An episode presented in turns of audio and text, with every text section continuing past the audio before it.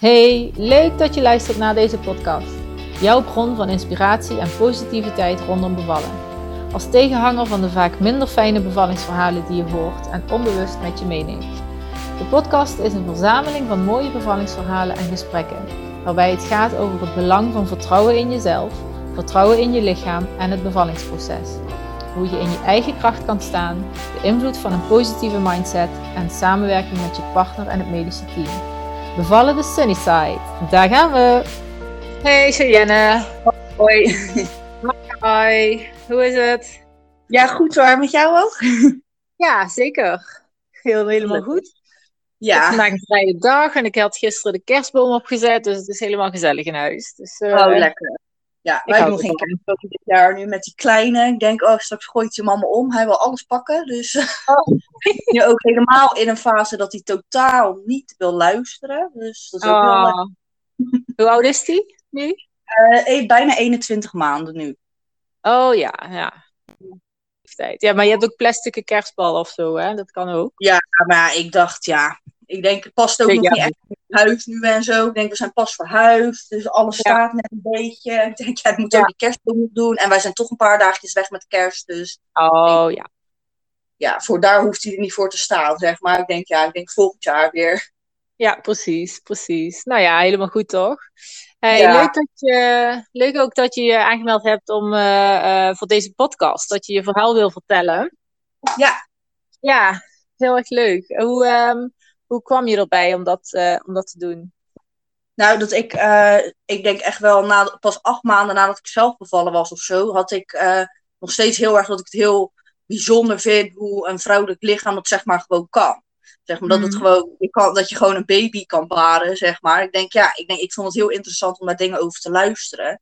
Alleen heb ik zelf dus een hele fijne, positieve ervaring gehad met eh, mijn bevalling. En op internet kon ik dat eigenlijk bijna niet vinden. Zeg maar, je vindt alleen maar de verhalen van, oh, het duurt zo lang. Of Mhm. eh, dat ze van heel veel vrouwen die dan wel pijnstilling nemen. Weet je wel, kijk, en ik vind dat natuurlijk geen probleem, want ik weet heel goed dat iedereen eh, bevallen anders ervaart. Maar ik wou van mezelf heel graag zonder pijnstilling bevallen. Dus ik wou heel graag video's en verhalen horen van vrouwen die dat zonder hadden gedaan. En dat kon ik bijna niet vinden. En dan denk ik, ja, ik denk, ging ik jouw podcast luisteren. Ik denk, dat zijn gewoon de verhalen die ik toen graag had willen horen, zeg maar. Dus ik denk, Ja. ja, dat is alleen maar fijn als ik ook mijn verhaal erbij kan delen.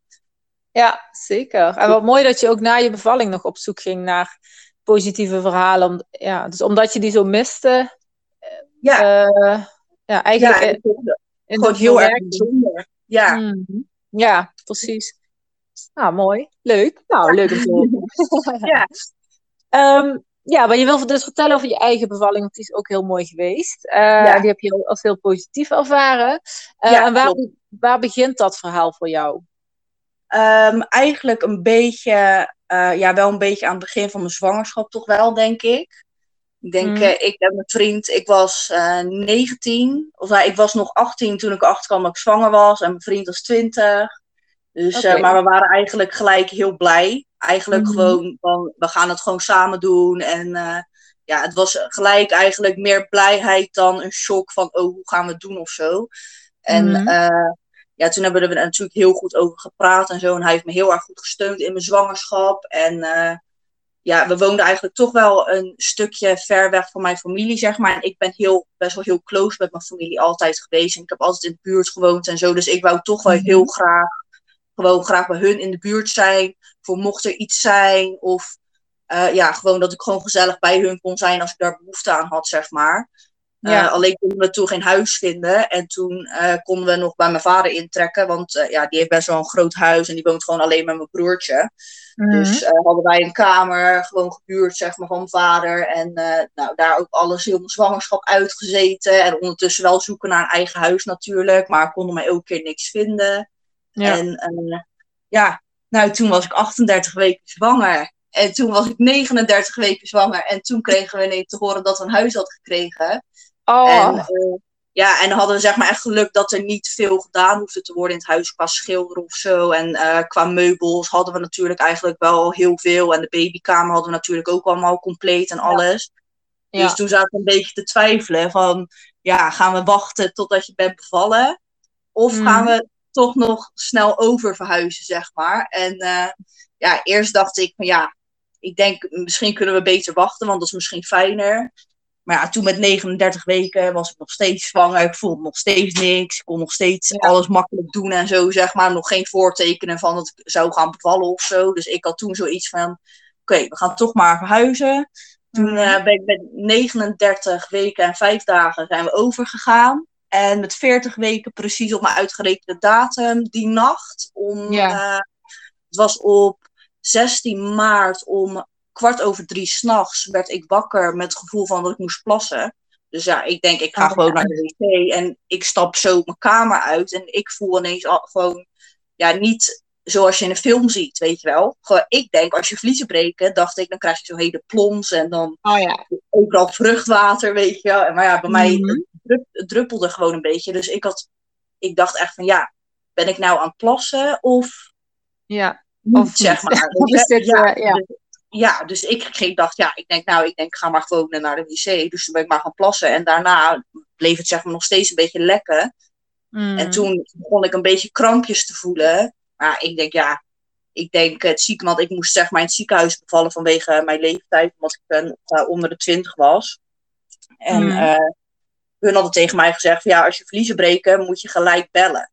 Maar ik had eigenlijk zoiets van, ja, ik denk, ik ga echt nu nog niet het ziekenhuis bellen. Want ik heb helemaal geen zin dat ik, heel, dat ik straks twaalf uur lang in het ziekenhuis mijn weeën lig op te vangen of zo. Ik denk, ik doe dat dan veel liever thuis. Ja. Dan dat ik al naar het ziekenhuis ga, zeg maar. Dus toen heb ik heel rustig mijn moeder een berichtje gestuurd. Want uh, ja, het was zeg maar, de 17 maart is natuurlijk de eerste corona-lockdown ingegaan. Ja. Dus ik wou heel graag dat zij er, mijn moeder ook erbij was en mijn vriend natuurlijk. Dus het was nog een beetje spannend of mm zij mhm. erbij mocht wezen. Maar ik had haar rustig een berichtje gestuurd van ik denk dat mijn vliezen gebroken zijn. Nou, mm en mhm. vijf minuten later reageerde ze al. En toen zei ze van, oh, ik heb echt toevallig net gedroomd dat je mijn bericht had gestuurd dat je vliezen waren gebroken. Oh. Dus, ja, dus zij had het zeg maar ook echt al gedroomd dat ik ging bevallen, zeg maar. En daardoor was ik wakker ja. geworden. En ja. uh, mijn vriend, ja, nou, daar heb ik heel de tijd niet eens aan gedacht, volgens mij. Ik denk, ik ga gewoon even lekker rustig beneden op de bank zitten. Ik denk, ik ga lekker even met mijn moeder kletsen. Ik denk, ja. die komt later wel, want hij ja. moest gaan werken om half vijf ochtends. Oh ja. Dus ik, dacht, dus ik dacht nog met mijn hoofd van, ja, ik denk uh, straks een bevalling. Ja, je weet nooit hoe lang het gaat duren natuurlijk. En ik had ook zoiets van, ja, hij kan dan wel heel de tijd, heel de dag bij mij gaan zitten. Terwijl ik daar misschien niet eens behoefte aan heb.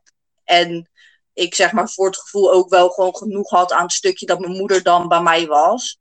En ja. uh, toen heb ik uh, daarna het ziekenhuis gebeld. En die hadden toen, uh, het was rond kwart voor vier, denk ik, zo ongeveer, s ochtends, dat ik het ziekenhuis had gebeld. En toen mm. zeiden hun ook van, nou, wat wil je zelf? Zou je al willen komen of nog niet? Ik zeg, nou, ik zeg eigenlijk liever nog niet. Ik zeg, want ik heb nog niet echt het gevoel dat ik echt al hele heftige weeën heb of zo. Ik voelde wel al krampjes en die kwamen wel al snel gewoon uh, rond de zeven minuten en zo. Dus wel echt snel al regelmatig. Maar, ja. En toen zeiden ze van nou, dan heb je geluk. Want uh, ze zeggen, we hebben nu eigenlijk ook nog geen plek. Ze zeggen, want alle kamers liggen nu nog vol. Dus toen, oh, ik, dacht, ja, nou. ik dacht echt, ik dacht yes. Oh, oh. ja, ik denk, ja. nu, nu ja, dat is ook wel bijzonder. Ja, maar ja. jij had ook heel erg vertrouwen in, dus in de bevalling eh, dan al, zeg maar. Ja. Dus niet iets, de bevalling was niet iets waar je je zorgen over maakte of zo, dat je zo kan nee, reageren. Ik, nee, ik had eigenlijk al vanaf het begin zoiets van, ik wil het zonder pijnstilling doen. En, dat ging, en ik had zo in mijn hoofd gezet van, ik ga het ook zonder pijnstilling doen. En mm. ik had me zeg maar echt voorbereid op de ergste pijn ever. Nou, oh.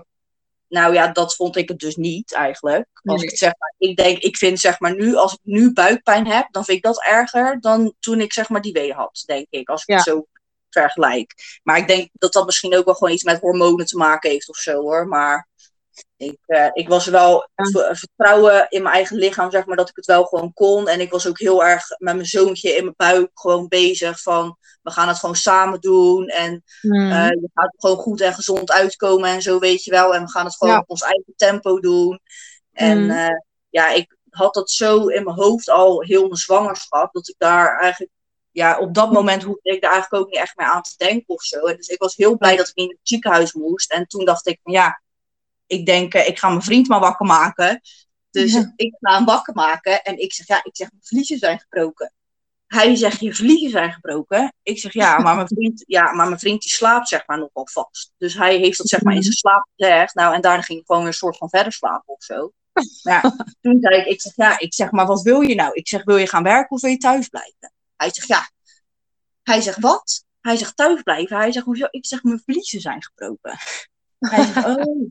Hij zegt, ja, hij, zegt, hij zei uh, van, uh, ja, zeg maar wat jij wil natuurlijk. Als uh, ik had gewild dat hij thuis was gebleven, was hij natuurlijk thuis gebleven. Maar ja, ik zei, mm. ga maar gewoon lekker werken. Want hij moest toevallig die dag echt nog geen vijf minuten van het ziekenhuis vandaan werken.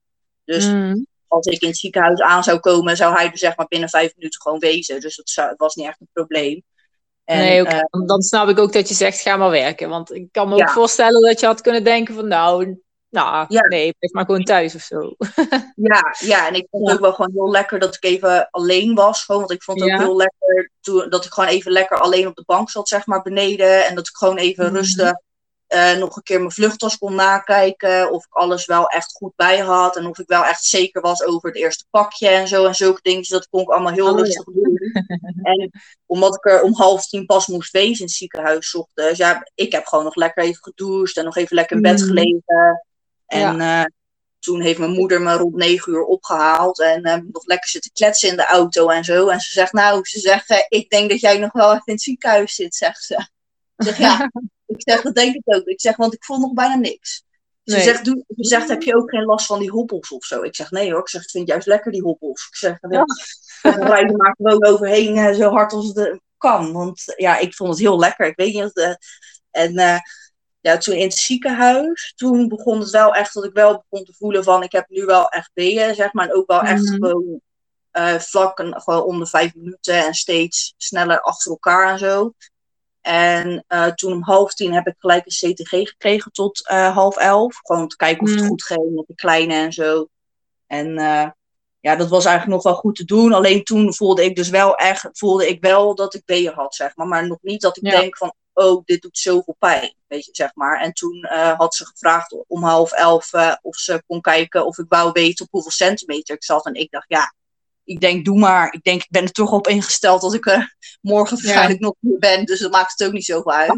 Nou, toen ging ze kijken en toen keek ze me aan. En ik denk, ja, ik denk, nou, ik ben natuurlijk niks opgeschoten, dacht ik. Zegt ze, nou, je zit op 6 centimeter. Oh, Ik, eh, ja, 6 centimeter ontsluiting. Ze zei echt van, eh, ik snap niet dat, eh, dat we niet aan jou kunnen zien dat je eh, eigenlijk gewoon wel echt actief aan het bevallen bent. Want op de monitor van mijn weeën kon je ook heel duidelijk zien dat ik wel hele scherpe weeën had. Maar ik voelde ze gewoon niet of zo. nee. Maar ik was ook echt heel erg rustig en heel erg, Ja, ik merkte dat ik ontspannen. heel erg in mijn Mm. eigen bubbel was, zeg maar. Ja. En toen ze zei dat ik 6 centimeter had, was het eerste wat ik dacht. Ik dacht, ik moet nu mijn vriend bellen. Dus ik bel hem dat, hij- ja, dus ik bel hem dat hij moest komen naar het ziekenhuis. Hij zegt, moet ik nu al komen? Hij zegt, hoezo moet ik nu ineens zo snel komen? Ik zeg, nou, ik zeg, ik ben er over de helft heen. Ik zeg, dus schiet nou maar op. Ik zeg, straks eh, komt hij ineens eruit of zo. Ja, ik Ja, weet ja. Nou ja, gelukkig was hij heel snel en ik was eh, in de tussentijd onder de douche gegaan. En dat vond ik echt heel fijn. Volgens mij heb ik echt de rest van mijn bevalling bijna heel de tijd onder de douche gezeten. Mhm. En Want wat deed echt- met je? Wat vond je daar fijn aan? De warmte? Ja, de, ja, de warmte, alles. En ik had dan wel echt voor mijn gevoel dat ik de, zeg maar, ik douche sowieso altijd wel heel warm. Maar Mhm. toen had ik wel echt het gevoel alsof ik de douche eigenlijk echt wel extreem warm had staan. Alleen zelf had ik het wel heel de tijd koud, zeg maar. Dus overal waar het water niet kwam, had ik het koud. Dus dat was hartstikke lekker om dan van die stralen te hebben met warm water. Ja, ja. Gewoon dat ik heel erg in mezelf aan het denken was van, hij moet er toch uit. Dus ik kan wel Mhm. helemaal in paniek gaan raken en me gaan verzetten tegen die weeën en zo. Maar ja, dan heb ik natuurlijk, omdat ik eh, bijna alleen maar negatieve verhalen kon vinden, heb ik wel heel goed gezien dat dat eigenlijk alleen maar tegenwerkt als je dat doet. Ja. Maar dat heb je dus ook heel goed kunnen zien. En uit Ja. die verhalen kunnen halen van... eh, want, want je kan het ook geloven. Je had ook kunnen denken van... Zie je wel? Ja, Dit, eh, Ja. En ook die weerstand kunnen gaan voelen. Maar dat heb je niet... eh, zo dacht jij niet. Dat vind ik echt, dat vind ik echt Nee. super sterk aan jou. ja Dat ik, weet, ik had zoiets van, eh, ik weet het niet. Ik had gewoon echt zo'n gevoel alsof ik gewoon voor mezelf heel goed wist hoe ik het moest doen. En ik weet van mezelf ook wel dat ik best wel een hoge pijngrens heb. Dus misschien dat het daardoor ook wel zoiets is van, ik wou het gewoon even onder pijnstilling doen en zo. Maar ja, misschien is het ook wel omdat Nee. ik dat al natuurlijk al die zeven maanden tegen mezelf heb gezegd. Dat Ja, ik zonder dat zou doen. Dat, daar ook Mhm. mezelf heel erg op ben gaan voorbereiden. Van, want ik heb ook Ja. bij mijn eerste verloskundige afspraak heb ik eigenlijk gelijk gezegd dat ik eigenlijk niks, geen informatie wou hebben over pijnstilling of iets. Mhm. Zeg maar, want ik denk, ja, ik denk als ik het zeg maar nodig heb in het ziekenhuis, dan krijg ik die uitleg ook nog in het ziekenhuis. Mhm. Dus het had voor mij zeg maar niet een toegevoegde waarde om het van tevoren al te weten. En ik had ook in mijn bevalplan heel duidelijk opgeschreven dat ik niet wou dat hun aan mij eh, pijnstilling zouden aanbieden of iets. Zeg maar dat Mhm. het wel dat het alleen eh, was als ik er zelf echt een duidelijk op ja. zeg maar. Ja, Mhm. en ehm, ja, toen denk ik was het, heb ik denk ik van ehm, half elf gekeken hoeveel centimeter ontsluiting had. Toen had ik 6 centimeter ontsluiting. Toen was denk ik mijn vriend er om kwart voor elf al.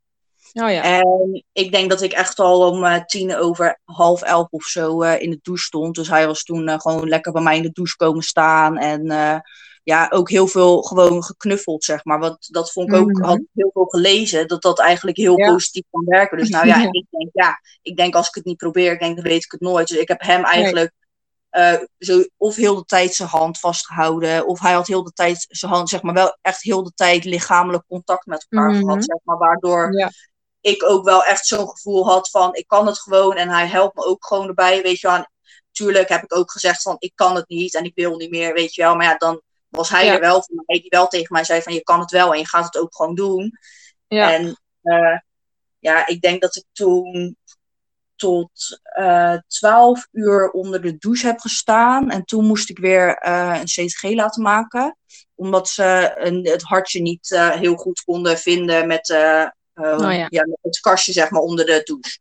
Dus toen moest Mhm. ik weer op bed. En toen eh, heeft hij daarna heeft hij zo'n eh, draadje op zijn hoofd gekregen. Omdat ik toch wel heel graag onder de douche wou. En ze in het ziekenhuis waar ik beviel, eh, hebben ze geen draadloze CTG. Mhm. Dus had hij zo'n draadje gekregen.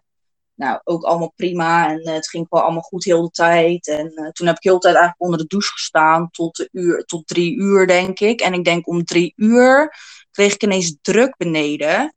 Oh ja. Maar Mhm. echt heel erg dat ik dacht... Oh, ik denk, dit doet zoveel pijn. Maar ik denk, ik ga niks zeggen. Want ik denk, straks moet ik die douche uit. En ik denk, nu Oh ja, met deze pijn... niet. Ik denk, ik wil nu met deze pijn echt die douche niet uit, dacht ik. Ja. Ik denk, nou, ik denk, ik ga gewoon lekker rustig onder de douche blijven.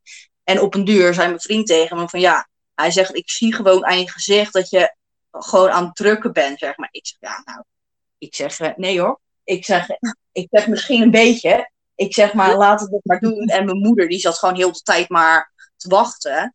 En eh, Mhm. oh ja, daar heb ik ook nog, die hoorde ik praten tussendoor. Nou, en toen heb ik tegen haar gezegd, ik zeg, mam, ik zeg, hou nou eens even je mond dicht. Ja. Ik zeg, wees Ja. nou eens even stil. Ik zeg, dat is Ja, het je enige, is het enige wat ik heb gesnauwd tijdens heel mijn bevalling. Ik denk, eh het is toch best wel netjes. Maar Mhm. toen, ik denk om tien over drie of zo, had ik wel echt het gevoel van...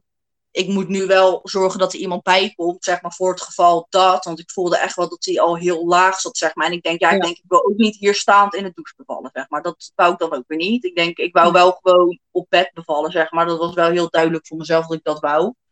Mhm. En eh, ja, toen heeft mijn moeder eigenlijk gelijk eh, de verloskundige gehaald en een gynaecoloog. En eh, ja, die gingen toen kijken. En toen had ik 9,5 centimeter ontsluiting. Nou, en ik, Ja. denk, ik denk dat half uurtje, nou, dat was denk ik het langste half uurtje van heel mijn leven.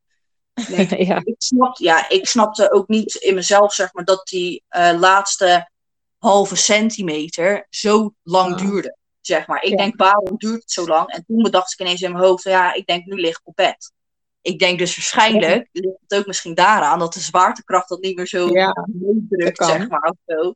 Ja, dus zeg maar. Of dat, of dat je toch ergens inderdaad, eh, de, inderdaad omdat je op bed op je rug ligt, maar ehm, misschien ook omdat er ergens een belemmerende overtuiging toch is geweest. Zou kunnen, hè, weet, weten we nooit. Ja. Maar dat je moest gaan liggen, dat je eigenlijk onder de douche wilde blijven. Weet je wel, dat dat heel eventjes dat proces ja, een beetje verstoord heeft. Dat Ja, kan. ja, want ik wou met die pijn wou ik onder de douche blijven, maar ik wist wel dat ik niet staand onder de douche zou bevallen. En ik wou wel echt gewoon op bed bevallen. Dus ik- dat was wel een beetje dat ik bij mezelf zoiets had van ik kan nu kiezen, wat ga ik doen? Maar ik had wel zoiets van oké, ik ga wel gewoon op bed, want ik wou ook weten hoe ver ik ondertussen was en zo natuurlijk. Nou, dat is 9,5 Mhm.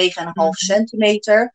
Toen zei ze van nou, ga even op je zij liggen, want dan is de kans groter dat het wat sneller weggedrukt wordt. Dus ik denk, ja, ik denk dat doe ik wel even. Nou, oh, wat deed dat een pijn. En toen heb ik ook toen heb ik echt geschreeuwd. Ik zeg, geef me alsjeblieft zo'n prik in mijn been of wat er ook is. Ik zeg, ik moet nu pijnstilling hebben. Ik zeg, ik kan het niet. Nou, en toen zei mijn vriend, hij zegt nee. Hij zegt, dat gaan we niet doen. Hij zegt, ga je, nee, ja, want hij zei, daar ga je alleen maar spijt van krijgen. Hij zegt dus, hij zegt, je bent er bijna. Hij zegt, je hebt je zo lang voorbereid dat je dit zonder gaat doen. Ik zeg, hij zegt, en dan ga je het laatste half uurtje, ga je, wil je nog wel iets? Hij zegt, daar ga je alleen maar spijt van krijgen. Hij zegt, dus dat gaan we gewoon niet doen. En daar ben ik hem achteraf heel dankbaar voor. Op dat moment natuurlijk helemaal niet. Maar achteraf wel. En toen, uh, ja, echt om uh, twee minuten voor half vier mocht ik gaan persen. Mm. Ja, en ik heb toen heb ik uh, drie keer geperst en om uh, één over half uur smiddags was die toen geboren. Nou. Ja. Dat was die dan. Oh, wat goed. Ja, en ook echt. Ja, mooi is dat, hè? Ja, als ik nu, ik vind dat, ik weet ook nog heel goed wat ik toen, ik dacht, wat ik toen zeg maar gelijk dacht. Ik zag hem en ik dacht echt van, dit zat gewoon echt in mij, zeg maar. Dat Ja. zat gewoon echt een mens in mij. Dat vond ik zo Mm. Ja, zo raar, zeg maar. En ook nu hoor, ik vind het nu nog steeds gek, want hij wordt nu Ja. natuurlijk zo groot en dan Ja, Ja. dat kan die ineens gewoon allemaal. Ja, dan denk ik, je bent gewoon zeg maar zo ver in mijn buik al ontwikkeld, dat je dat allemaal Mm. Uit jezelf zo gaat leren, zeg maar. Ik denk, dat vind ik zo bijzonder. Ik denk, eh, Ja, bijzonder hè? Ja, Ja. ja, en Ja. ja, überhaupt van, heel, van bijna niks naar een, een volledig eh, mensje. ja, en dan eh, worden ze geboren en dat gaat allemaal gewoon door. En ja, echt super fijn. ja, Hey, maar wat mooi, Cheyenne. Ook je, je vriend, dat die, dat die zo positief, ook positief bleef, zeg maar. Van, eh, en dat hij jou kon, kon steunen. Want waarschijnlijk kwam er wat adrenaline naar boven. Hè? Dat is heel, meestal in de persfase.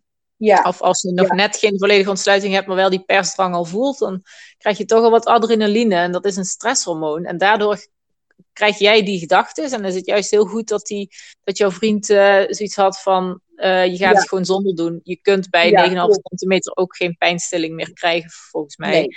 Even Nee. dat er zijn. Nee, dat, ja, dat, volgens mij hadden ze dat ook wel gezegd, maar dat was heel helemaal langs me heen gegaan. Maar Ja. ik heb wel ook, zeg maar, wel echt het gevoel, zeg maar, dat als mijn vriend niet zo rustig was geweest heel de tijd, want hij is gewoon heel de tijd heel rustig geweest. En eigenlijk als je alleen naar hem had gekeken, dan zou je gewoon denken van, oh, die zit gewoon op iets of iemand te wachten in het ziekenhuis of zo, weet je wel. Gewoon heel rustig Mhm. en je merkte niks aan hem. En dat, ik denk dat ik dat wel heel erg heb gevoeld en dat ik daardoor ook heel rustig was. En hij heeft me ook altijd wel gewoon zeg maar, het is natuurlijk nogal wat als je zo jong een kind krijgt samen. Dan is het toch wel dat je Ja. er wel aan denkt van ja, ga je wel echt samen blijven en kom je Ja. er wel samen uit, zeg maar. Maar hij heeft me altijd heel erg juist dat vertrouwen gegeven dat we het wel samen gingen doen en dat we er wel uit gingen komen en zo, weet je wel. En dan denk ik, dat Ja, heeft voor mij ook heel erg mijn gevoel positief beïnvloed. Dat ik wist van, het komt gewoon goed en ik heb gewoon straks lekker gezellig mijn gezinnetje thuis en eh, Ja. Is echt heel fijn. Ja, ook heel bijzonder. eh, Ja. ja.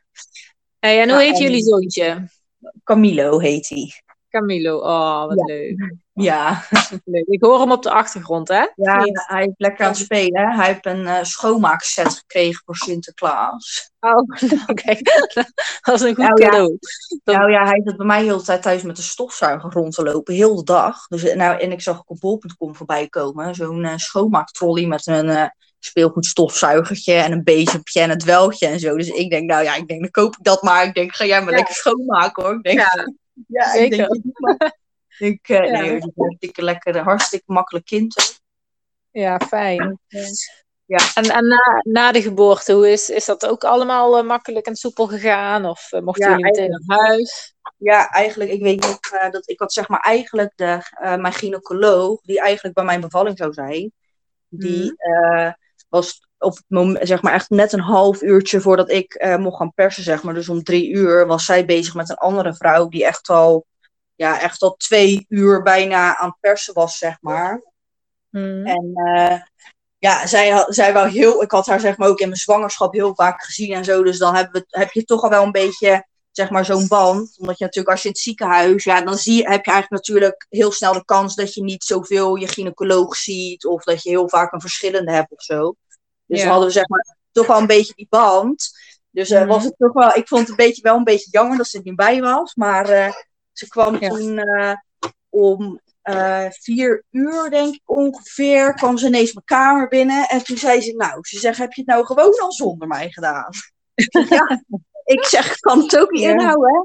Nee. Ze zegt, nee. Ze zegt, ja, ja, en toen nog even vragen hoe het, of het goed was gegaan. En hmm ja, of het allemaal gewoon fijn goed was gegaan. Dat was het allemaal gewoon. Ik had wel uh, een heel klein scheurtje. Nou, daar was ik doodsbang voor. Ik denk, nou, ik denk, daar gaan we dan. Ik denk, dan moet ik gehecht worden en zo. Ik denk, oh, daar, had, daar zat ik dus echt niet op te wachten. Ook toen ze dat zei. Ik denk, nou, ik denk alsjeblieft niet. Ik zei, maar ze zei van, ze zegt, je hebt een heel klein scheurtje. Dus je mag zelf kiezen of je wil dat ik het hecht of niet. Omdat het zo klein was, zou het ook wel gewoon uit zichzelf helen. Alleen zou het mooier en wat sneller helen als ik het wel zou hechten. Nou ja, en toen, ja. ik, ja, ik had mijn zoontje natuurlijk gewoon op me liggen. En ik dacht ook echt van, nou, het kan me allemaal niet meer schelen wat daar onder allemaal gebeurt. Ik denk, nee, ja. het is ja. toch wel helemaal uh, beurs en pijnlijk en weet ik wat allemaal. Ik denk dus, uh, doe maar. Mm. Dus uh, nou, ik heb er helemaal niks van gevoeld. Ik denk de verdovingsspray nee. deed nog meer pijn dan het hechten zelf. Ik denk van oh, die hechting heb ik echt niks gevoeld. Alleen dat verdovingsspraytje brandde een beetje. Maar ja. nee, voor de rest uh, niks eigenlijk. En uh, ik denk dat we rond zeven uur mochten we naar huis toe. Oh, lekker. En, nou ja, en ik had honger. Dus toen wou ik naar de McDonald's. Zijn we door de McDrive heen gegaan. ja, had je daar echt trek in in McDonald's? Ja. Ja, oh my god. Honger. Ja, ik oh. dacht, nou ja, en eerst had ik dus heel mijn zwangerschap. Dat ik heel de tijd van, oh, ik wil zo graag een Red Bull drinken als ik bevallen ben. Nou, ik neem een slok van die Red Bull. En ik denk, nou, ik denk, nee hoor, ik denk, dit moet ik niet hebben. En toen dacht ik, ja, ik denk, nu heb ik wel honger. En toen reden we langs de McDonald's. En toen dacht ik, ja, ik denk, ik wil gewoon McDonald's eten. Ik denk, anders moet ik ook thuis nog eenmaal gaan eten en zo, weet je wel. Ik denk, ja, ik denk, haal gewoon lekker gezellig McDonald's denk ik, uh, lekker McDonald's gehaald en zo. Nou, dat is ook heel raar als je daar zo zit met je pasgeboren baby. Dan denk je, uh, ja. zo speciaal en zo. En toen weet ik nog dat ik thuis kwam met mijn vriend en dat ik zo Camilo op de bank legde en mijn moeder ging weg. En de kraamzorg die was er nog niet, die, zou, die was wel onderweg. Maar en toen dacht ik echt van, oké, okay, en nu? Ja, ik denk, en, mm-hmm. ja, zit ik daar met een baby en wat moet ik nu doen, dacht ik. Ja, ja. Ik, denk, ik heb geen idee. Maar uh, ja, een half uurtje later was ik kraamzorgder en toen, uh, ik wou heel graag borstvoeding gegeven. Ja. Dus uh, dat heb ik gelijk, heeft ze me gelijk mee geholpen en zo. En dat ging eigenlijk gelijk goed. Ik in de eerste paar dagen had hij natuurlijk een beetje moeite met aanhappen en zo. Maar ja, ik denk, Hmm. Het is wel allemaal goed gekomen. En het is niet dat het zo drastisch was dat hij heel erg afviel ervan of zo. Ik heb wel nog eventjes uh, drie dagen bij moeten voeden met een beetje kunstvoeding. Maar ja, ik denk dat het uh, gebeurt bij zoveel moeders, denk ik dan. Dus, uh, ja. En bij die borstvoeding kon je wel ook daar positief, stond je daar ook positief tegenover, zeg maar. Zo van alle vertrouwen dat het überhaupt ging lukken. Dat je daar weinig... Ja ja, dat wel. Ja, ja, want ik had wel zeg maar zoiets van, ik had niet voor mezelf zoiets van, ik wil hem borstvoeding geven tot hij twee jaar is of zo, maar ik had wel zoiets van, ik wil heel graag uh, wel hem gewoon die opstart geven. En ik vind het dan wel nogal wat om te zeggen, borstvoeding is het beste voor je kindje. Het is natuurlijk, ja. hoe je het wendt of draait, is het natuurlijk wel zo, maar zeg maar ook, ja. ik denk flesvoeding is ook goed, maar zeg maar, je wil natuurlijk toch die goede opstart geven, mm. zeg mhm. maar. Dus dat wou ik gewoon heel graag doen. En uh, ik had ook wel echt al vanaf uh, 30 weken in mijn zwangerschap of zo, dat ik wel echt al uh, melk een beetje al begon te lekken en zo. Dus ik had wel echt al vertrouwen van, dat ik dacht ja. van ja, ik heb nu al dat ik melk lek, zeg maar. En dat ik wel echt duidelijk al kon zien dat het wel echt melk was. Dus ik denk ja, dat kan bijna niet anders als het niet gaat lukken, zeg maar. Dus ik hoopte er heel erg op. En uh, ja, hij ging eigenlijk in het ziekenhuis, ging die ook gelijk naar mijn borst zoeken. Dus ik vergeet ja. te vertellen. Ja. Dat stukje, ja, dat is een beetje vaag bij mij weggegaan. Dus ik weet ook niet meer hoe zwaar die was toen ik geboren was. Nou ja, een beetje zo'n verwachting, dat had ik ook. Ja, dat ik, ik niet alles ik dat, 100% nog meegekregen heb. Uh. Ja, dat, ja, dat heb ik zeg maar niet allemaal meegekregen. Maar uh, ging die ook gelijk naar de borst zoeken en zo. Dus dat was ook gelijk goed. En uh, ja, hij ging eigenlijk gelijk heel goed drinken ook thuis. En uh, heel, zelf heel goed aangeven wanneer hij wou drinken, zeg maar, goed happen. En uh, ja, zijn ja. mondje goed open doen en alles. Dus uh, ja, dat was echt heel blij mee. De eerste nacht heeft hij ook heel de nacht doorgeslapen. Dus dat was ook heel oh. lekker. Ja, dat nou. was wel echt heel fijn hoor. En, dat is pas fijn. Ja. ja. Ja, dat is wel echt lekker. Want ik denk, ja, ik denk, oh, dat zou ik zo zwaar vinden. Als je dan net bevallen bent en heb je ook nog een baby die s'nachts al heel de tijd wakker wordt. Ik was zo blij dat hij lekker had doorgeslapen heel de nacht. nou ja, inderdaad. Maar daarna uh, minder, zeg maar. Toen had hij wel zijn, uh, is, heeft hij zijn ritme moeten vinden. Of, ook, of heeft hij vanaf dag één doorgeslapen? Nee, hij slaapt nu net twee ah. weken slaapt hij door. Oh, dus het heeft wel even geduurd hoor. Ja, precies. maar ik ben ook wel zeg maar, van, uh, ik kijk wel echt naar hem, zeg maar, naar wat hij nodig heeft. Het is niet als hij, zeg mhm. maar, bijvoorbeeld, nu doet hij meestal nog één slaapje op een dag. Maar ja, soms is ook wel een dag dat hij daar dan geen behoefte aan heeft. En dan denk ik van, ja, dan hoeft hij dat ook niet te doen, zeg maar. Ik, ga, ik uh, heb me eigenlijk nooit echt aan een schema gehouden of zo. En uh, borstvoeding ook eigenlijk altijd op verzoek gegeven. En ja. ja, na drie maanden had ik toch wel voor mezelf dat ik er een soort van wel een beetje klaar mee was. Maar dat kwam ook mm omdat ik eigenlijk aan mijn lichaam merkte dat mijn lichaam het eigenlijk gewoon niet gewoon te zwaar had, zeg maar. Om continu melk aan te maken en uh, dan ook nog voor hem te zorgen en zo natuurlijk. En mijn vriend dus natuurlijk ook wel gewoon. Maar die moest natuurlijk ook na een paar weken weer terug gaan werken. Dus ja, ja dan moest ik ook nog het huishouden doen en de baby. En dan ook nog borstvoeding geven. En dan moet je natuurlijk ook eigenlijk gewoon heel goed op je eten letten. En zo als je borstvoeding geeft. Ja. Ja. Dus dat is dan allemaal toch een stukje moeilijker als je dan weer alleen bent. En ik merkte gewoon dat ik mm. helemaal op was. En dat ik echt wel na elke voeding met hem mee kon slapen en zo. En dat ik ook gewoon dat echt moest doen. Dat ik anders gewoon niet. Ja, ik kon gewoon niks, zeg maar. Alleen maar slapen. En ik had ook zoiets voor mezelf toen op het duur van ja. Zeg maar, dat wil ik zeg maar ook niet. Want ik wil niet zo'n moeder zijn die niks kan. Zeg maar, ik wil ook gewoon lekker buiten gaan lopen. Mm. En lekker dingetjes kijken en zo. En leuke dingen doen. Ja, dus precies. Ik heb voor mezelf besloten om te stoppen. Nou, dat was nog wel heel mhm. moeilijk. Want heb je natuurlijk op, die, op kunstvoeding staat dan natuurlijk ook van borstvoeding is de beste voeding voor je baby. En daarom oh, ja. denk ik dat ja. nogal iets om te zeggen, omdat ik wel, zeg maar, dat gevoel vond ik wel heel moeilijk, zeg maar. Dat, dat, mhm. zeg maar, je moet die keuze al maken, wat al ik denk, ik geloof niet dat dat voor geen één moeder een makkelijke keuze is als je besluit om te stoppen met borstvoeding.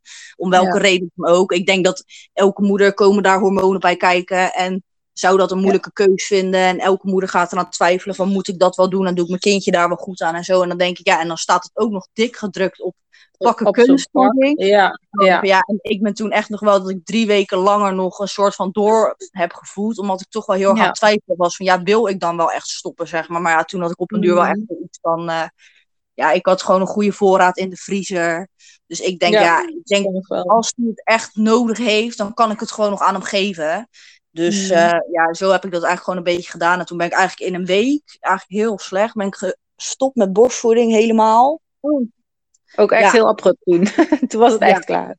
Ja, ik had wel echt uh, wel eerst mhm. flesvoeding zeg maar, gekeken hoe hij erop reageerde. En eigenlijk geen flesvoeding tien keer beter dan borstvoeding al gelijk eigenlijk. Want hij zat, oh. bij borstvoeding kon hij wel echt elke twee uur drinken. Wat dan natuurlijk ook wel normaal is, omdat het wat sneller verteert en zo natuurlijk. Maar um, ook gewoon dat hij wat langer vol zat. En dat ik dus wel meer tijd had om andere dingetjes te doen. In plaats van dat ik elke keer met iets moest stoppen omdat ik hem weer tussendoor moest voeden. Of omdat ik weer iets anders moest doen. Zeg maar. Dus dat was wel echt veel fijner. En daar merkte ik echt gelijk al verschil aan. Dus daar ben ik toch hmm. wel heel blij mee dat ik die keus toch wel heb gemaakt. En ik heb ook bij de volgende denk ik van ja, kijk, ik wil heel graag nog een tweede kindje, nu nog even niet. Maar, ja. maar ik heb dan wel ook zoiets van, dan zou ik het ook niet anders doen, zeg maar. Dan zou ik wel weer uh, in de start borstvoeding willen geven. En dan kijk ik vanzelf wel weer tot hoe lang ik het kan geven en wanneer ik ermee moet stoppen. Want ik heb nu wel, dat ik nu gewoon bij Camilo natuurlijk zie dat hij hartstikke gezond is. En hij is hartstikke blij altijd en uh, heel gezellig. Dus ik zie gewoon, hij, hij heeft niks tekort gekregen omdat hij niet uh, mijn moedermelk heeft gekregen, zeg maar. Dus nou ja, hij heeft hij wel, iets wel de eerste maanden gewoon. Kijk, er zijn heel veel vrouwen volgens mij die drie maanden doen. En, en, en als ze weer gaan werken, dan bouwen ze af. Of, uh, of ze, ze, geven een jaar borstvoeding of twee jaar. Weet je, dat is gewoon vrije keuze. ik denk, ja, precies. En ik, heb, ja, ik, vind ook wel, ik vind het ook wel nu tegenwoordig vind ik wel een beetje dat er wel een beetje een druk op wordt gelegd. Dat je eigenlijk zeg maar een soort van borstvoeding moet geven aan je kind of zo. Ik denk, ja, kijk, als jij daar niet,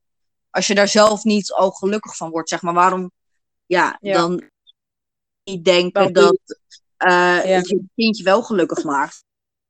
Als je gelukkig bent, dan is je kindje ook niet gelukkig, denk ik dan. Nou, dat is gewoon wat ik heel erg bij mijn zoontje merk. Dat als ik gewoon een dag af en toe zit ik wel even niet zo lekker in mijn vel natuurlijk. Ik denk dat iedereen dat wel eens heeft. Maar dan merk ik wel heel erg aan hem al dat hij wel heel graag even lekker extra komt knuffelen. Of even extra kusje komt geven of zo, weet je. En dan denk ik, ja, baby's. Ik denk niet dat, ik geloof niet dat dat bij baby's anders is. Ik denk dat baby's zulke dingen ook voelen. Dus ja, ik denk zulke dingen. Ik vind dat, uh, daarom vind ik het ook nogal wat om te zeggen dat borstvoeding per se het beste is voor je kindje. Want dan denk ik ook, ja. ja. ja. Kan je, iedereen kan dat wel heel makkelijk zeggen. Maar ja, stel dat iemand op zoek is naar verhalen over om te stoppen op borstvoeding of zo. Of als er iemand er informatie om vraagt, zie ik ook wel eens dat ik dan echt hele felle reacties zie van ja, en je zou gewoon uh, je kind je eigen melk moeten geven. En uh, ja, dan denk ik, daar vraagt diegene ook niet. En dan denk ik, waarom doen mensen daar dan zeg maar ook zo moeilijk over? Dus ik had ook voor mezelf toen ik ging stoppen, dat ik heel makkelijk kon zeggen van kijk, ik wil het niet meer geven, dus ik ga het ook niet doen. En dan ben ik gelukkig wel sowieso best wel makkelijk in. Want ook, uh, ja, wij hebben natuurlijk best wel, ja, niet veel commentaar gehad of zo. Zo wil ik het niet noemen. Maar wel, zeg maar, ik was zelf een beetje best wel een lastige puber. Dus er was wel een beetje mhm. zo van, gaat het allemaal wel goed komen, weet je wel. Ah, ja, uh, ja, ja, geen vertrouwen of zo. Ja. ja. ja, nou ja, gelukkig iedereen is mhm. hartstikke trots, gelukkig. Maar ik heb natuurlijk wel gewoon reacties gehad van ja, en je kan het maar beter zo en zo doen. Of je kan het beter zo en zo doen. Terwijl ik voor mezelf heel duidelijk in mijn hoofd weet hoe ik hem wil opvoeden en wat ik hem wil meegeven en wat ik hem wel en niet wil leren. Dus ik hou me daar voor mezelf ook gewoon aan. En ik merk daardoor nu ook bij mezelf dat eigenlijk als iemand tegen mij commentaar heeft over hoe ik iets met hem doe of zo, ja, dan gaat het mijn ene oor in en mijn andere oor uit. Want ik weet zelf dat ik het eigenlijk wel gewoon goed doe. Want dat zie ik aan hem. Zeg maar. Hij is altijd hij is blij, hij is gelukkig, hij luistert. Hij laat zien nou, dat hij gewaardeerd is en dat hij voelt dat hij er gewoon bij hoort en zo, zeg maar. Dus dan denk ik, ja, meer dan dat uh, heb ik niet nodig van mijn kind, zeg maar, om dat uh, te zien. Nee, precies. En iedereen doet het op zijn eigen manier en er is geen ja. goede fout. Uh, ook nee, nou, goede Soms denk nee. ik wel eens, ik denk dat zou eens wat weten of iedereen zijn kinderen hetzelfde opvoedt. Denk, ja, ja. dat wil je niet eens. ja, dat, nee, nee. Dat, zou, dat zou niemand willen. Terwijl eigenlijk met zulke dingetjes, over zulke onderwerpen, denkt eigenlijk iedereen wel dat het zo moet. Maar als iedereen het echt hetzelfde zou doen, dan zou ook niemand het leuk vinden. Dan is het nog steeds niet goed. En vervolgens doe het maar eens. Ja. want ik, ik, ik vind het dus gewoon ook super lastig soms hoor. Dat, ze, Lauren is nu uh, 3,5. Nou, ik oh, heb ook best wel wat uitdagingen en dat vind ik soms gewoon ook lastig. Ik weet ook echt niet of ik het altijd goed doe, maar, maar volgens mij, uh, uh, nou, ze is vrolijk. Ze, ja. ze groeit goed. Uh, we hebben ook veel plezier. Dus ja, weet je. Doe maar niet. Je volgt gewoon jij papa en dat doe jij zo goed al. En ik vind, ik vind dat heel mooi om te horen dat je zo jong bent en, en heel erg je eigen pad hierin volgt. En misschien, ja, wat, heeft, wat heeft het je gebracht, uh, jong zwanger, jong moeder? Die bevalling zo ervaren? Wat heeft het jou? Ja, ik, ik heb eigenlijk gewoon, uh, zeg maar, toen ik nog thuis woonde bij mijn moeder, was het altijd een beetje lastig thuis. En uh, mijn moeder had een relatie met een vriend, met een man die ik, waar ik totaal niet mee overweg kon. En uh, mm. ja, er zijn zeg maar gewoon bepaalde dingen gebeurd vroeger en zo, waardoor ik heel erg, zeg maar, ik heb nooit, mijn moeder is echt geweldig en is echt mijn beste vriendin en zo. En ik ja. zou haar ook nooit de schuld geven en ik neem het haar ook niet kwalijk, maar ik heb zeg maar wel heel erg dat ik voor mezelf altijd zo'n beeld voor mijn ogen had van ik wil gewoon een gezin zijn met een mhm. vader en een moeder en een kindje. En niet ja. uh, alleen een moeder en een kindje en uh, een vader die weggaat of weer een nieuwe vriend, zeg maar. Weet je? En het is ook niet dat ik vind dat je bij elkaar moet blijven voor kinderen. Maar het is wel dat toen ik zeg maar zwanger werd, daarvoor blode ik heel veel om mm. mijn gevoel heel de tijd te onderdrukken. En eigenlijk vanaf het moment dat ik uh, mijn positieve zwangerschapstest had gedaan, ben ik gewoon gelijk mee gestopt. En uh, mm. ik heb er geen moeite mee gehad. En uh, ja, nog steeds gewoon niet. Steeds, gewoon, ja, fijn. Nee, ik ben gewoon heel makkelijk mee gestopt. Want ik had gewoon zoiets van, ik wil niet mijn kind iets in mijn buik aandoen waar hij zelf niet voor kiest. Want hij kiest er niet voor dat hij in mijn buik is gemaakt, zeg maar, weet je wel. Dus ik denk, mm -hmm. dat kan je ook gewoon niet maken. Dus, en toen heb ik eigenlijk, ja, ik kon eigenlijk alleen maar denken van het gaat alleen maar mijn leven beter maken. En ja, zeg maar, voor, voor mijn gevoel had, heb ik nu iets waar ik zeg maar echt voor leef. En wat mijn leven tenminste een betekenis geeft. Want ja, je kan wel ja. leuk een puber zijn en lekker uitgaan en weet ik wat allemaal. Maar ja, nu aan het eind, ik zit veel liever met mijn kind hier thuis dan dat ik uitga met vriendinnen of zo, weet je wel. Ik denk, uh, oh ja, ik heb liever ja. dat ik ochtends lekker wakker word en dat ik lekker met mijn kindje kan kroelen in plaats van dat ik nu nog leuke dingen had gedaan met mijn leeftijdsgenootjes of zo, zeg maar. Of dat ik nog steeds zo was als dat ik toen was. Want ja, ja ik, denk, ik kan me niet meer voorstellen hoe het zou zijn zonder hem, zeg maar. En ik vind gewoon dat het heel, ja, iets heel moois en bijzonders is, zeg maar, ook gewoon. Dat, uh, ja, ja. ja. Ja, zeker. Ja, echt heel mooi dat je er zo in staat, Cheyenne. Ik uh, vind het heel inspirerend, moet ik zeggen. Ja, en, uh, ja toch? En je kan nog steeds wel leuke dingen met je leeftijdsgenoten doen of met vrienden, vriendinnen, maar misschien op een andere manier of met Camilo erbij, weet je wel. Dan, dan ja, het, leven verandert, maar ja, ja, niet dat je, dat je thuis op de bank moet zitten. allemaal ermee, maar ik denk dat zijn ook meer omdat ik natuurlijk zelf niet zo'n leuke puber was, dat die mensen waar ik mee omging ook niet zulke goede mensen waren, dus ik had gewoon zoiets van toen ik zwanger was van ja, doei.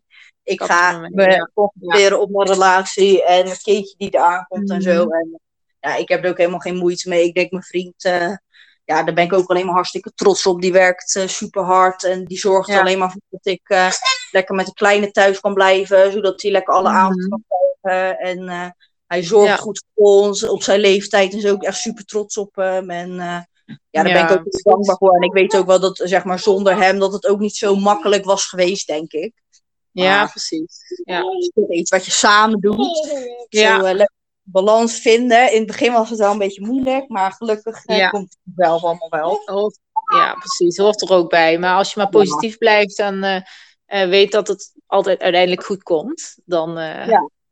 komt het goed. En ook, ja, en ook gewoon toegeven dat het ook wel mag. Het mag wel eens moeilijk wezen. Ik denk, ja, ik denk, soms lees ik dan ook wat dingen over moeders en dat vind ik dan soms zo moeilijk dat ze dan een keuze hebben gemaakt of zo. En dat ze dan denken dat ze de verkeerde keuze hebben gemaakt. Terwijl ik dan denk van ja, ik denk, ik geloof wel echt dat je moedergevoel zeg maar niet liegt. Zeg maar als, jou, als je moedergevoel zegt van er is iets met je kindje, dan is er iets mm. met je kindje. En als jouw moedergevoel zegt van er is niks met je kindje, terwijl iemand anders zegt dat er wel iets met jouw kindje is, dan 100%.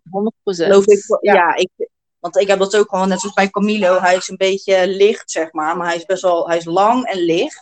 Mm. Dus hij weegt nu 10,5 kilo. Geef eens hier stuiteren. Loopt hij allemaal dingetjes te pakken nu? ja, Nee, hij weegt nu 10,5 kilo en uh, hij is 84 centimeter. Maar ik had heel de tijd op het consultatiebureau dat een beetje een probleempje was. Dat hij eigenlijk volgens hun te weinig aankwam. Zeg maar, terwijl ik zoiets had van ja, hij eet goed en hij geeft ook zelf aan wanneer hij vol zit. Dus dan heb ik mm. gewoon van ja, ik wil daar niet overheen gaan. Als hij zegt dat hij vol zit, wil ik niet zeggen van ja, je moet je bord leeg eten of zo. Want ik wil gewoon dat, dat hij. Niet. Nee, en ik wil gewoon dat hij wil dat hij het zelf mag aangeven. En ja. uh, nu met uh, dat tongriempje van hem, ja, daar was ik zelf pas mm. achtergekomen bij, toen hij acht maanden oud was. Mm. Omdat ik ineens, uh, ja, zeg maar, ik zag heel de tijd, ik heb wel een vriendinnetje, die heeft een paar maanden later als mij, was zij bevallen. En ik zag heel de tijd van haar dat haar zoontje de hele tijd dat tongetje aan het uitsteken was. En Camilo deed dat eigenlijk niet. Zeg maar. En toen mm. deed hij het een keer. En toen zag ik dat hij echt zo'n streepje kreeg in zijn tong, zeg maar. Dus toen dacht ik, ja, ik denk, dan ga ik toch maar even navragen wat het is. En toen bleek het dat het een uh, te kort tongriempje was. En toen heb ik heel veel, heel de tijd moeten bellen en zo. En uh, ja, nu pas, als het goed is, in januari wordt het eindelijk gekliefd. Oké. Okay. Uh, ik denk, ja, ja, ja, nou, daar was ik ook door... best wel een boven over. Ja, ja maar komt dat door corona of zo? Of, of, of nee, ja, dus, nee. Ik werd, ah. nee, ja, ik werd eerst naar de tandarts gestuurd en dan weer naar de dokter en dan weer naar een andere tandarts en dan weer naar die de hele tijd doorgestuurd en dan moest ik weer naar daar bellen, want ja, het schijnt nog wel een dingetje te zijn als ze al wat ouder zijn, zeg maar. Ja, ja. Dus uh, ik denk, ja, maar gelukkig wordt het nu allemaal bijna gedaan, dus uh, ja. Gelukkig. Nou, Fijn. Hey, Sienne, wat zou jij uh, zwangere vrouwen en misschien ook wel uh, leeftijdsgenoten, want dat vind ik wel heel mooi, mee willen geven? Um, die nu zwanger zijn en nog moeten bevallen, moeder worden. Dat je gewoon echt moet doen wat je zelf voelt dat je moet doen en waar je zelf behoefte aan hebt om te doen. Want mm. ja, ik denk als je naar iemand anders gaat luisteren, of als ze bijvoorbeeld in het ziekenhuis zeggen van jij moet er liggend op je rug bevallen. Kijk, ik heb dat wel zo gedaan. Maar ik had ook niet het gevoel alsof ik het anders moest doen. Maar als, ik heb ook wel eens dat ik dingen lees, zeg maar dan, van vrouwen die dan bijvoorbeeld gehurkt zouden bevallen, die dan op hun rug moesten bevallen. En ik, ik hoop gewoon echt dat vrouwen meer voor durven uit te komen. Dat je gewoon moet doen wat je zelf moet doen. Want het is jouw lichaam die het doet. Zeg maar, het is niet ja. de verloskundige of je gynaecoloog die voelt wat jouw lichaam van binnen doet en wat jouw lichaam aan jou aangeeft. En ik denk gewoon dat je daar gewoon echt naar moet luisteren. Ja. Ik, ik denk dat dat het enige is wat dat een beetje zeg maar kan helpen. Dat het het misschien minder erg kan maken dan dat het misschien zou kunnen worden. Zeg maar, ik denk gewoon naar jezelf luisteren en gewoon ook duidelijk met je partner of degene die bij je bevalling is afspreken wat je wel en niet wil. Bijvoorbeeld, uh, net zoals dat ik geen pijnstilling wou en dat ik op het laatste mm. moment toch zei dat ik het wel wou, dat mijn vriend dan kon zeggen van nee. Zeg maar, dat kan ik ook wel aanraden dat zo iemand erbij is of dat in ieder geval iemand er echt van weet. Uh, en dat diegene ook goed naar je kan kijken van kan ze het nog wel echt, kan ze het nog wel aan of is het gewoon echt van ze kan gewoon echt niet meer, zeg maar. Ik denk dat dat gewoon heel belangrijk is. En voor de rest is het gewoon heel erg naar je gevoel luisteren, denk ik. Ja, ja, precies. Ja, dat is, het, uh, dat is het sowieso altijd. En ik denk ook een uh, mooie samenvatting en aanvulling ook dat uh, iedereen om je heen moet je daar ook in kunnen steunen. Anders, als je, het, ja, als je het helemaal alleen zou moeten doen en er zijn mensen die je tegenspreken, is het gewoon heel moeilijk. Maar in de basis ja. zeker, luister naar je lichaam en um, ja, zorg dat iedereen weet wat jij wil. Dan kunnen ze je daar ook in ondersteunen. Ja, Super. Nou, Cheyenne, heel erg bedankt. Ja, ja uh, ik vond het een heel leuk gesprek. Ja, ja. ik ook. Superleuk. Ja. Ja, en ook uh, dankjewel dat je, dat je gewoon ook spontaan je aangemeld had om, om uh, ja, deze podcast ja. op te nemen en daarmee weer andere vrouwen te inspireren. Ja, ik dacht, ik vind het superleuk om te luisteren. Dus ik denk, uh, ik, denk ik ga kijken. Ik denk, ik zou ook wel eens even een berichtje sturen om te kijken. Ik denk, wie weet zoekt ze nog iemand, dacht ik. Dus, uh... Altijd. Ik zoek ja. altijd mensen. ja, ja dacht, zeker. De vraag is altijd gemist. Uh... Zeker. De vraag die niet gesteld wordt, kan ook niet beantwoord worden. Dus nee, uh, nee, heb je ook goed aangevoeld weer. ja. nou, hey, bedankt. En ja. knuffel voor Camilo. En een hele fijne ja, dag. Hoor. Ja, jij ook. Hoi. Ik hoop dat deze aflevering je heeft geïnspireerd. Neem mee wat je mee wilt nemen, wat bij je past. En laat achter wat je achter wil laten, wat misschien niet helemaal bij je past. Jouw bevalling doet ertoe. Bedankt voor het luisteren.